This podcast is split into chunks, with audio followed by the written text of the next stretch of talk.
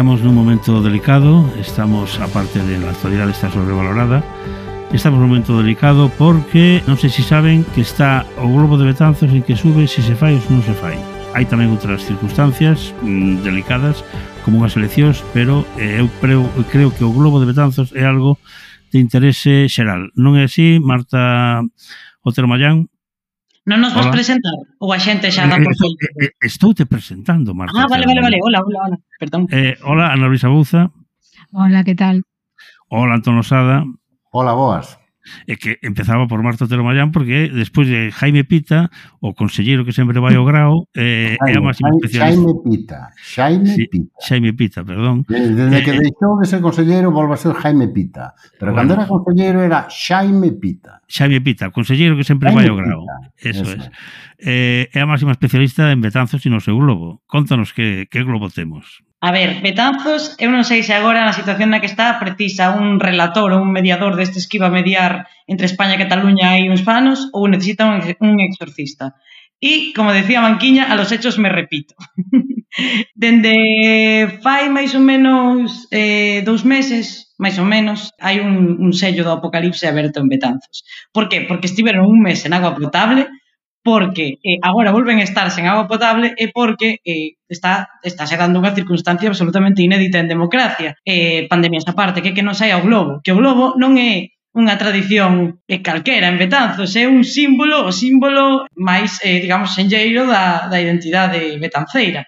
E non sae por motivos, eh, bueno, non sei se políticos, persoais, eu penso que hai un pouco de todo, que se está facendo unha, unha utilización política do globo e do sentimento dos betanceiros é algo evidente, pero bueno, non sabe por, porque están bueno, pois, empregando o globo, a tradición e o sentir dos betanceiros como refén de, de, de cuitas e disputas políticas. É unha cousa que Pero a mí cale, eh, cale, non me invita a votar. Cale un conflito. Cale un canta, conflito. Cla canta claro, canta claro, Marta. Pues, como si pois, estuvieras... O problema é que ninguén sabe cal é o conflito. No, Por aquí temos tres partes. Fact check no globo de Betanzos fact. Veña, aquí tenemos, como si fueras, Como si fueras la, la, la Silvia Chao Rondo y no, es.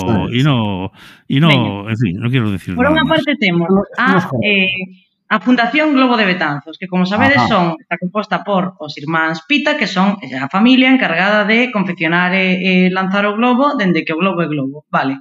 Por outra banda está a actual alcaldesa María Barral, que, bueno, está gobernando por un pacto co BNG.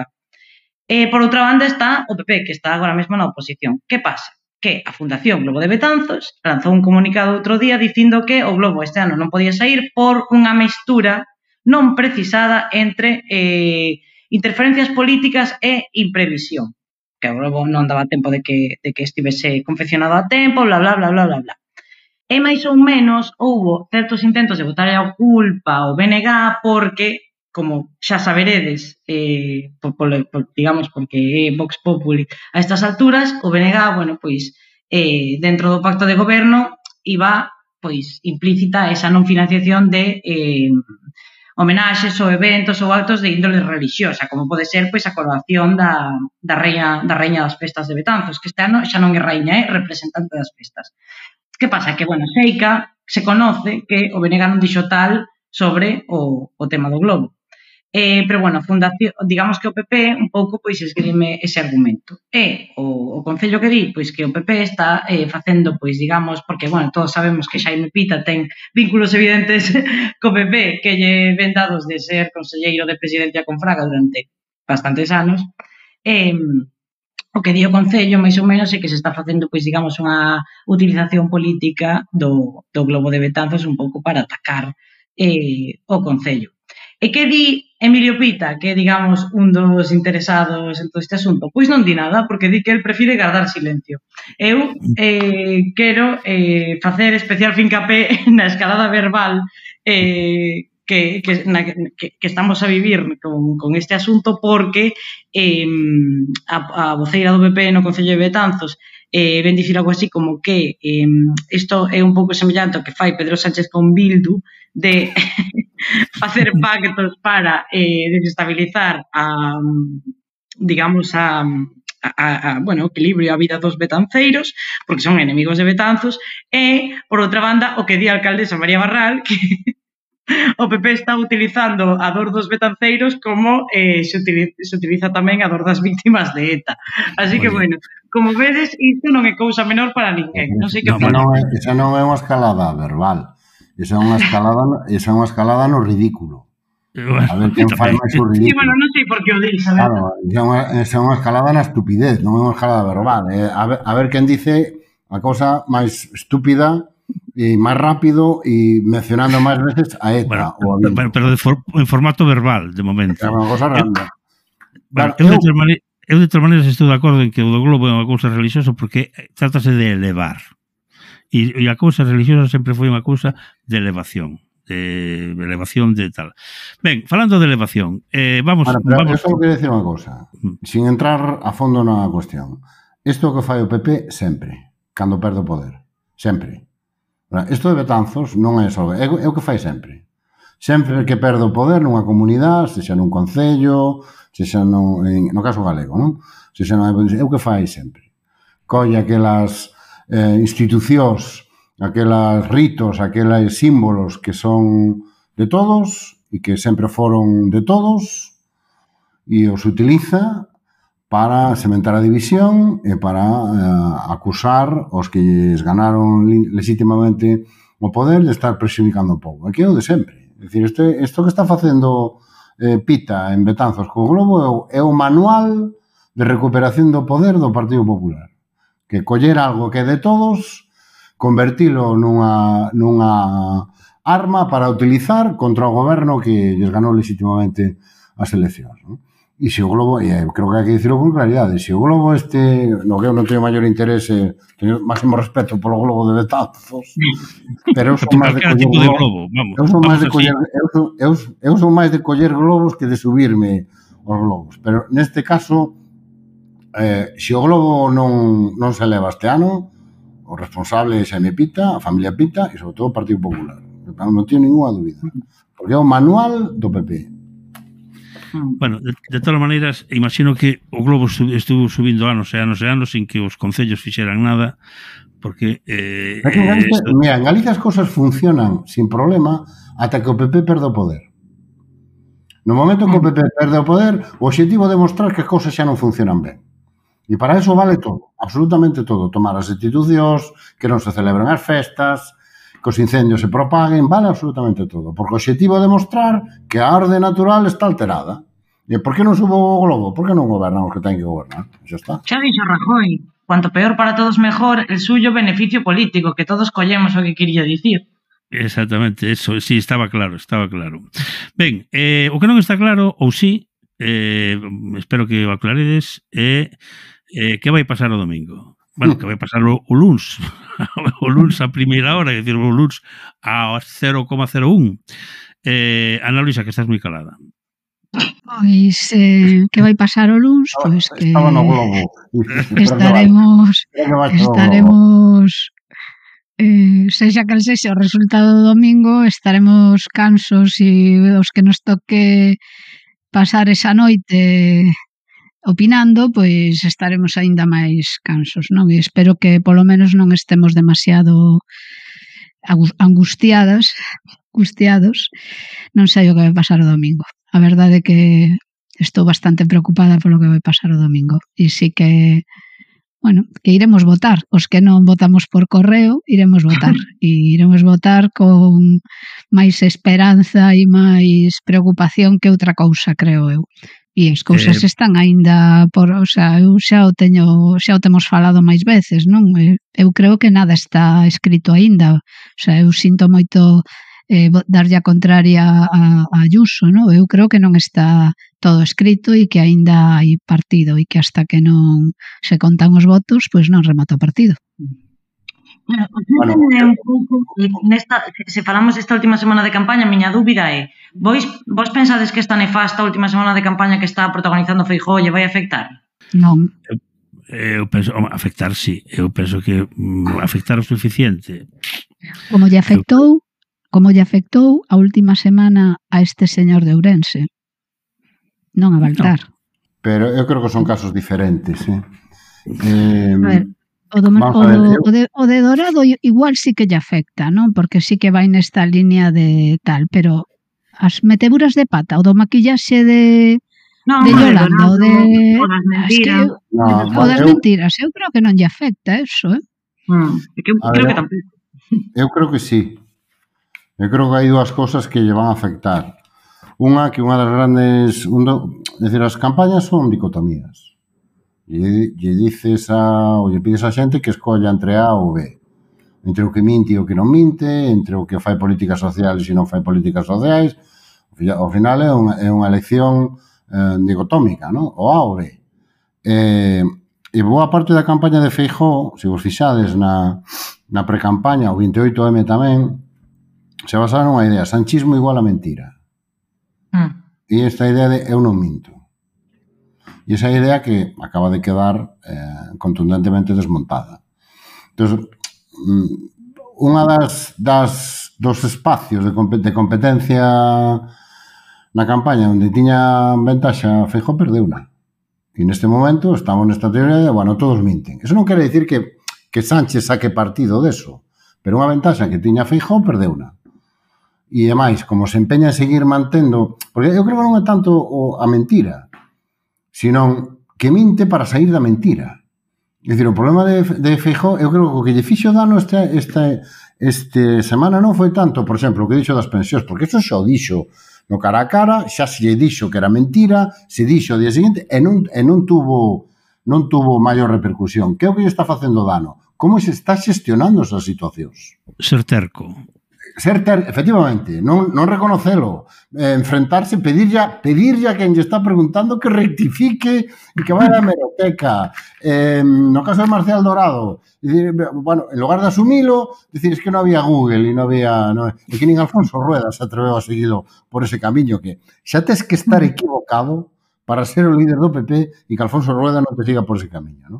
Entón, eu creo que perdemos a ventaxa. Eso creo que especialmente nos votantes, que están nesa fronteira entre o PP e o PSOE, algo lles está facendo cavilar, non? Eh, eu creo que é un segundo elemento que para min é o o, o, o domingo, non? Pero eu creo que foi un erro estratégico, que foi non acudir ao debate a Radio Televisión Española. E por que digo eso? Non tanto por como foi o debate, nin polo contido, nin polo nin polo tal, que eu creo que lle foi ben, sobre todo a Sánchez e sobre todo a Yolanda, sea, que se amosou.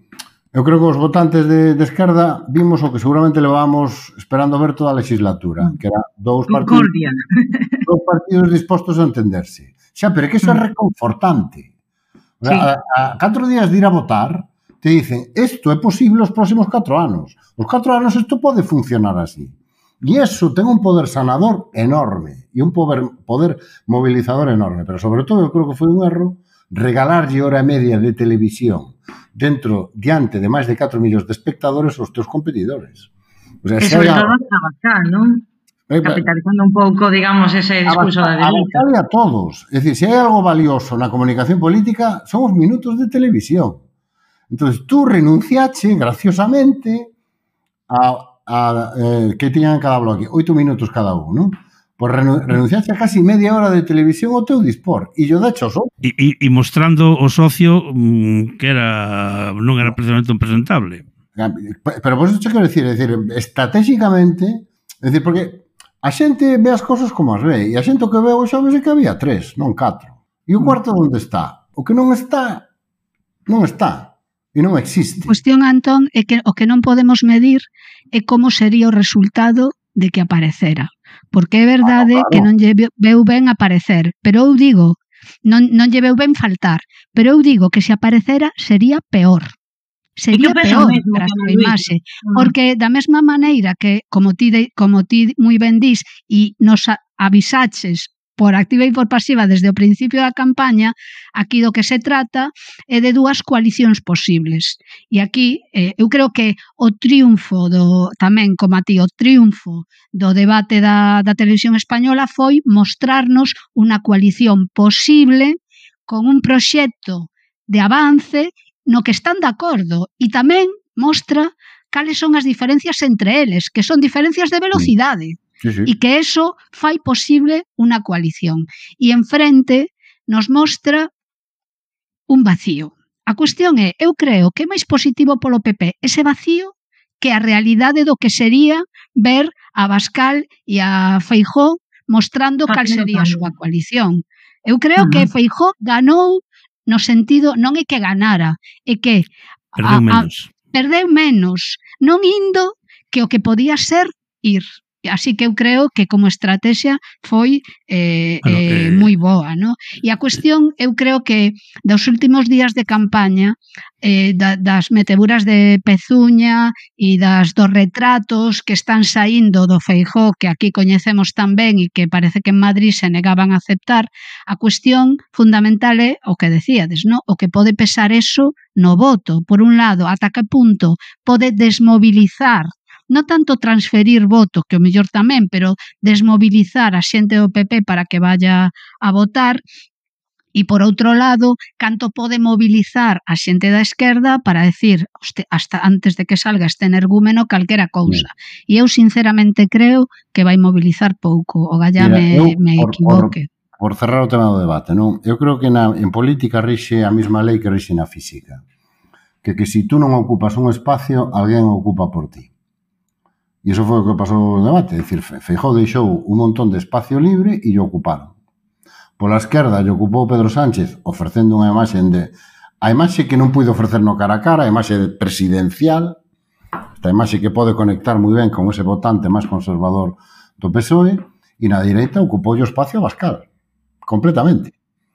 Entón, eso que mm, foi un erro, foi un acerto, eu creo que é difícil decidilo, porque efectivamente nas cosas que dice Ana Luisa ten toda a razón, non? pero de entrada eu son dos que cree que eh, eh eu son dos que cree que se si non vas, alguén che, che, che colle o espacio. Non? E neste caso, que yo, ele está disputando, ele ahora mismo pode, está disputando o voto con Sánchez nese espacio do centro, do centro Entón, non estar en frente dun Sánchez que estuvo máis presidencial que nunca nesta campaña deixase votante con, bueno, eh, enfrente este señor quen está. E deixarle todo o espacio a Bascal ten un, un doble problema. Un, como votante de Vox se reafirma, dice, aí está mi líder, con independencia de que che guste máis, eh, que nós temos que pensar que a Bascal foi a falar aos seus, non aos catro que estamos aquí. Non, el xa sabe que aos catro que estamos aquí non nos vai a convencer. Entón, ese votante de Vox que está dudando entre Vox e PP, que o hai e moito, o que ve é media hora da Bascal. E fijou que non está. E o, votante, e o propio votante do PP pode estar sentado mirando e dicindo, bueno, por que non está aquí o meu, non? Entón, eu creo que desos 4 millóns, casi, casi 8 millóns de espectadores únicos. E unha audiencia media de 4 millóns e cuarto. Eso é ouro puro en comunicación política. Sí. E tú renunciaste. Sí, sí, pero bueno, eu tamén vexo aí un pouco ese, ese acerto, digamos, de, da non presencia da que falaba Ana Luisa, estando de acordo tamén co que co, co último que, que acabas de dicir, Antón, que este tema tamén de non visibilizar eses dous bloques, esas dúas coalicións posibles, porque aí Feijó, eh, que tampouco é a persoa que ten máis destrezas comunicativas cando deixas un pouco aí en directo ante o perigo, eh, eh, que non domina demasiado ben, eh, este tema de que tes que fiar moi fino para eh, distanciarte, para facer esa labor de oposición a esa coalición forte entre Sumar e PSOE, pero distanciándote tamén da ultradereita, porque se aquí o que se está un pouco xogando mm. é ese votante de centro, mm, socialdemócrata conservador, ese híbrido, se que é posible a existencia dese híbrido, que non mira con vos ollos a, a, a ultradereita e se estás pensando en pescar no caladoiro do PSOE, visibilizar esa posible coalición coa extrema dereita precisamente polo tándem que se formaría no debate de estar en contra ou de presentarse como alternativa a esa coalición consumada que PSOE sumar, pois non é nada fácil de defender. Entón aí, pois, eh, implantar ese marco de que ese debate non vale para nada porque non está representada a, a maioría, que sí que está, de feito, eh, pues, se miramos porcentaxe, sí que está representada, pero bueno, que o marco que ao final quixo impor o PP en torno a esa ausencia foi que ese debate pois non servía para nada porque non, digamos, non estaba representado o líder da oposición, Eh, eu penso que gaña máis eh, non indo que, que indo bueno, e, máis por e eso, bueno, máis por no, da posición do PP eh, o debate non, non valía para nada pero ganei no eu mm. realmente as dúas cousas eh, non fixaste hasta o día seguinte o debate non valeu para nada o debate foi un tostón tal, pero ganou no feijó que dices, vamos a ver, se non vai para nada. E sobre todo, a xente ten que preguntarse se si se esconde, se si non vai o debate, se si se esconde, se si considera tirón, que está mellor escondido que dando a cara será porque por algo. Bueno, ah, porque necesitamos aquí a opinión dun traumatólogo, que se nos está esquecendo a opinión dun traumatólogo.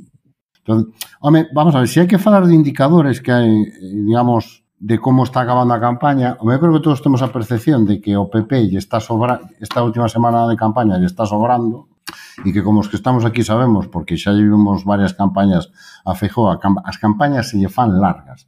Os acordades o que falamos despois do cara a cara? Que as mentiras que tiña contado lle iban pesar no que quedaba de campaña.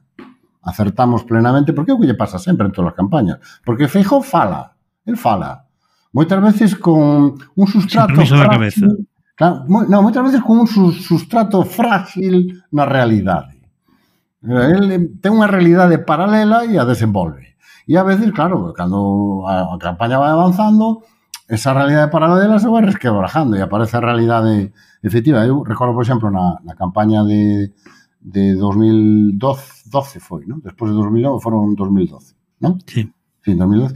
O caso de Pemex, vos acordades? Sí. O sea, o supercontrato que iba a saltar o naval e Tal, claro, tú largas cousas, largas cousas, e claro, conforme avanzan os días, esas cousas non se cumplen, ou máis ben, mm, resulta que son o contrario, e isto che acaba pesando na, na campaña, non? Entonces, eh, e o Partido Socialista, en cambio, esta última semana de campaña, e a sumar tamén, lleveu moi ben. Moi ben. Porque recuperaron un pouco, sobre todo no PSOE, esta sensación de que, bueno, non está todo perdido, paga pena ir a votar, parece que a, a, din os do PSOE que a organización se está reactivando, Entón, hai dous indicadores que a mí me parecen moi significativos.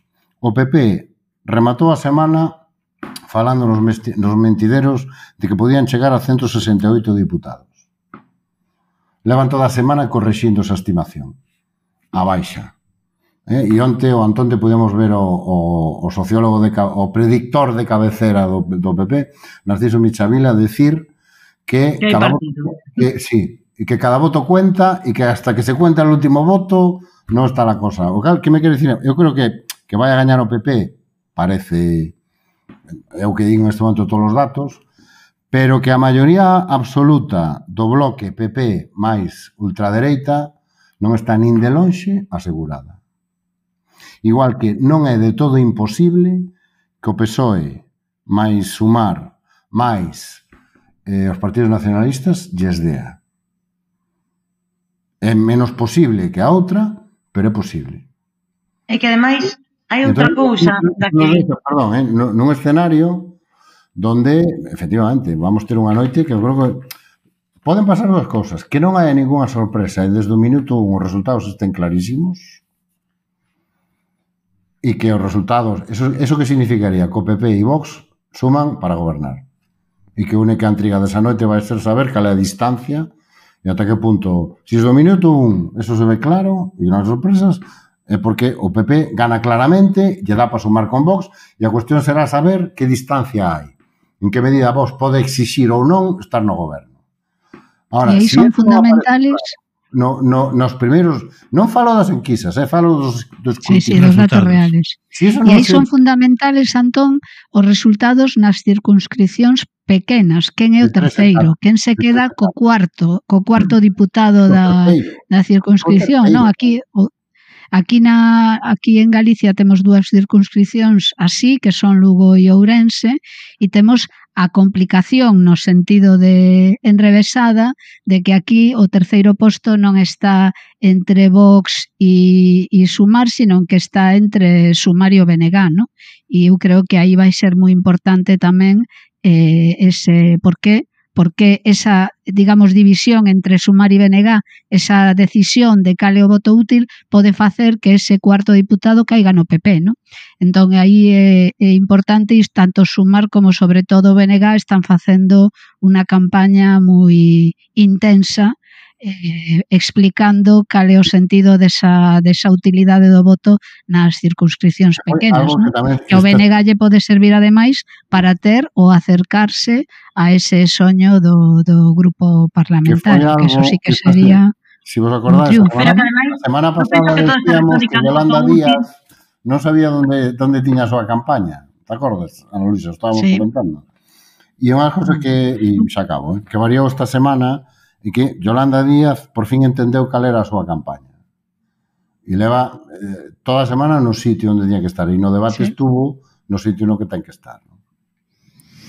Si, sí, deixou o punto Barbie. Eu penso que, que esta retórica toda que se formou en toda esta campaña, eh, sobre todo en Galicia, alrededor do voto útil, a quen vai favorecer non é o BNG a sumar, vai ser a, o PP e o PSOE, as partidos forzas maioritarias, porque, bueno, eu polo menos quero dicir, ao final a experiencia personal non sirve de nada, pero mm, eu coñezo moitísima xente que optou por opcións, digamos, minoritarias nas, nos anteriores comicios e que agora, por ese chamado, digamos, a aglutinar o voto útil, eh, a non tirar o voto, esa, ese tema de eu tiro o voto moitos anos, pero este ano non o tiro, pois chama un pouco a aglutinar entre en torno ao PSOE e sí, sí. a PP, en, en función de que, de que queiras, non? Aparte, eu que a experiencia que teño de ter dirixido algunha campaña, E ter as estos cálculos que facemos nós, a xente lle importa un carallo, con perdón, eh? Estos cálculos que facemos de que se os diputados, que si catro, que si tres, así, non mobilizan nada, absolutamente nada. É dicir, é que non, só teñas que ver a cara da xente nos mítines, cando te poñías a explicarlle a importancia do seu voto para o cuarto ou quinto, porque é unha cosa que nos interesa a nós e que se interesa o que se presentan pero que a xente que vota lle dá exactamente igual. E eu creo que tende a, en eso estou bastante acordo con Marta, te, falar moito do voto útil e de non tirar o voto á basura acaba beneficiando o máis grande. Porque bueno, tendes a asociar ¿no? utilidade con tamaño. Canto máis grande, en termos políticos. Sí, pero o que me refiro é que no, si no campo da esquerda sempre hai trasvase de votos en unhas eleccións e outras en Galicia eh, entre PSOE e BNG, neste caso hai un terceiro en discordia que é Sumar e eu creo que a dúbida en ese campo de votantes está máis entre Sumar e o BNG cale máis útil, non? Eh, entre Sumar e BNG que entre Sumar, BNG e o, P e o PSDG, creo eu, eh? pero de todas maneiras o máis importante para a esquerda en Galicia é mobilizar non? Voten a quen voten e facer que a xente non se absteña. En Galicia a abstención é moi elevada e se baixa do 40% sería un éxito de mobilización moi importante.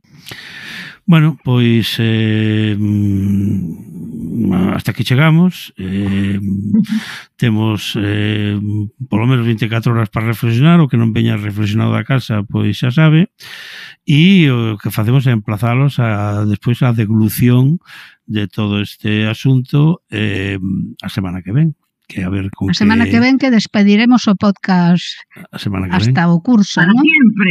Eh? E o mellor e o mellor dende a trinchera a semana que ven. Véxote, oye, estás moi, estás moi guerra civilista, eh? non estou moi pesimista, recoñezo que os estou bastante pesimista, pero bueno, bueno eh, eh, levantarei o ánimo de aquí a domingo.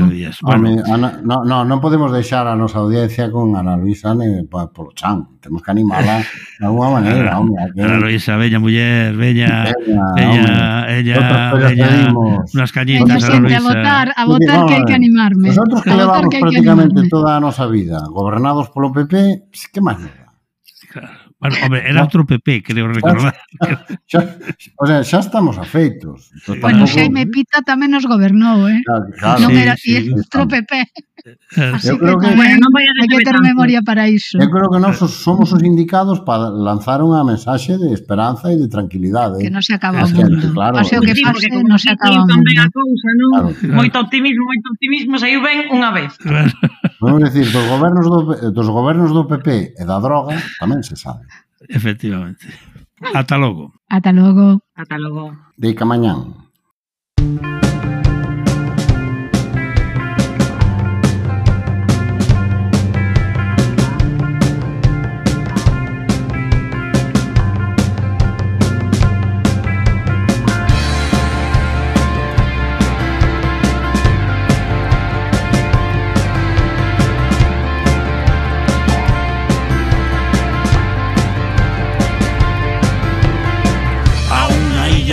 Canarias. Non tiven outra que emigrar para chollar do que fose lonxe, lonxe do fogar. E que me invade a morriña da patria de Breogán. Cando escoito resentidos e que me boto a chorar. A chorar.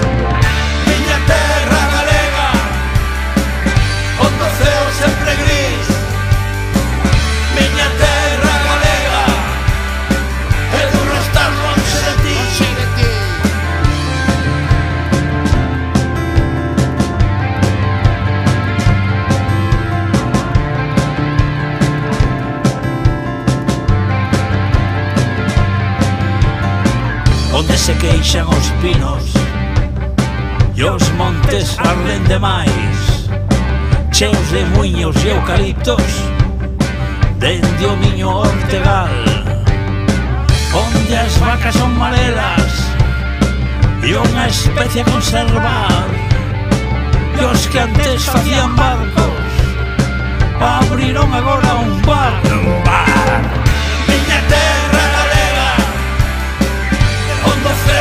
aprendiz, niña perra galega, de una estatua y se le pira un seti.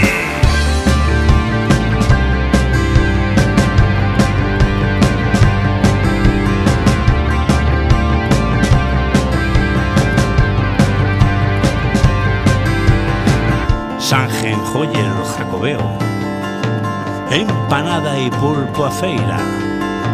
queima y el vino turbio, lo bien que se come aquí.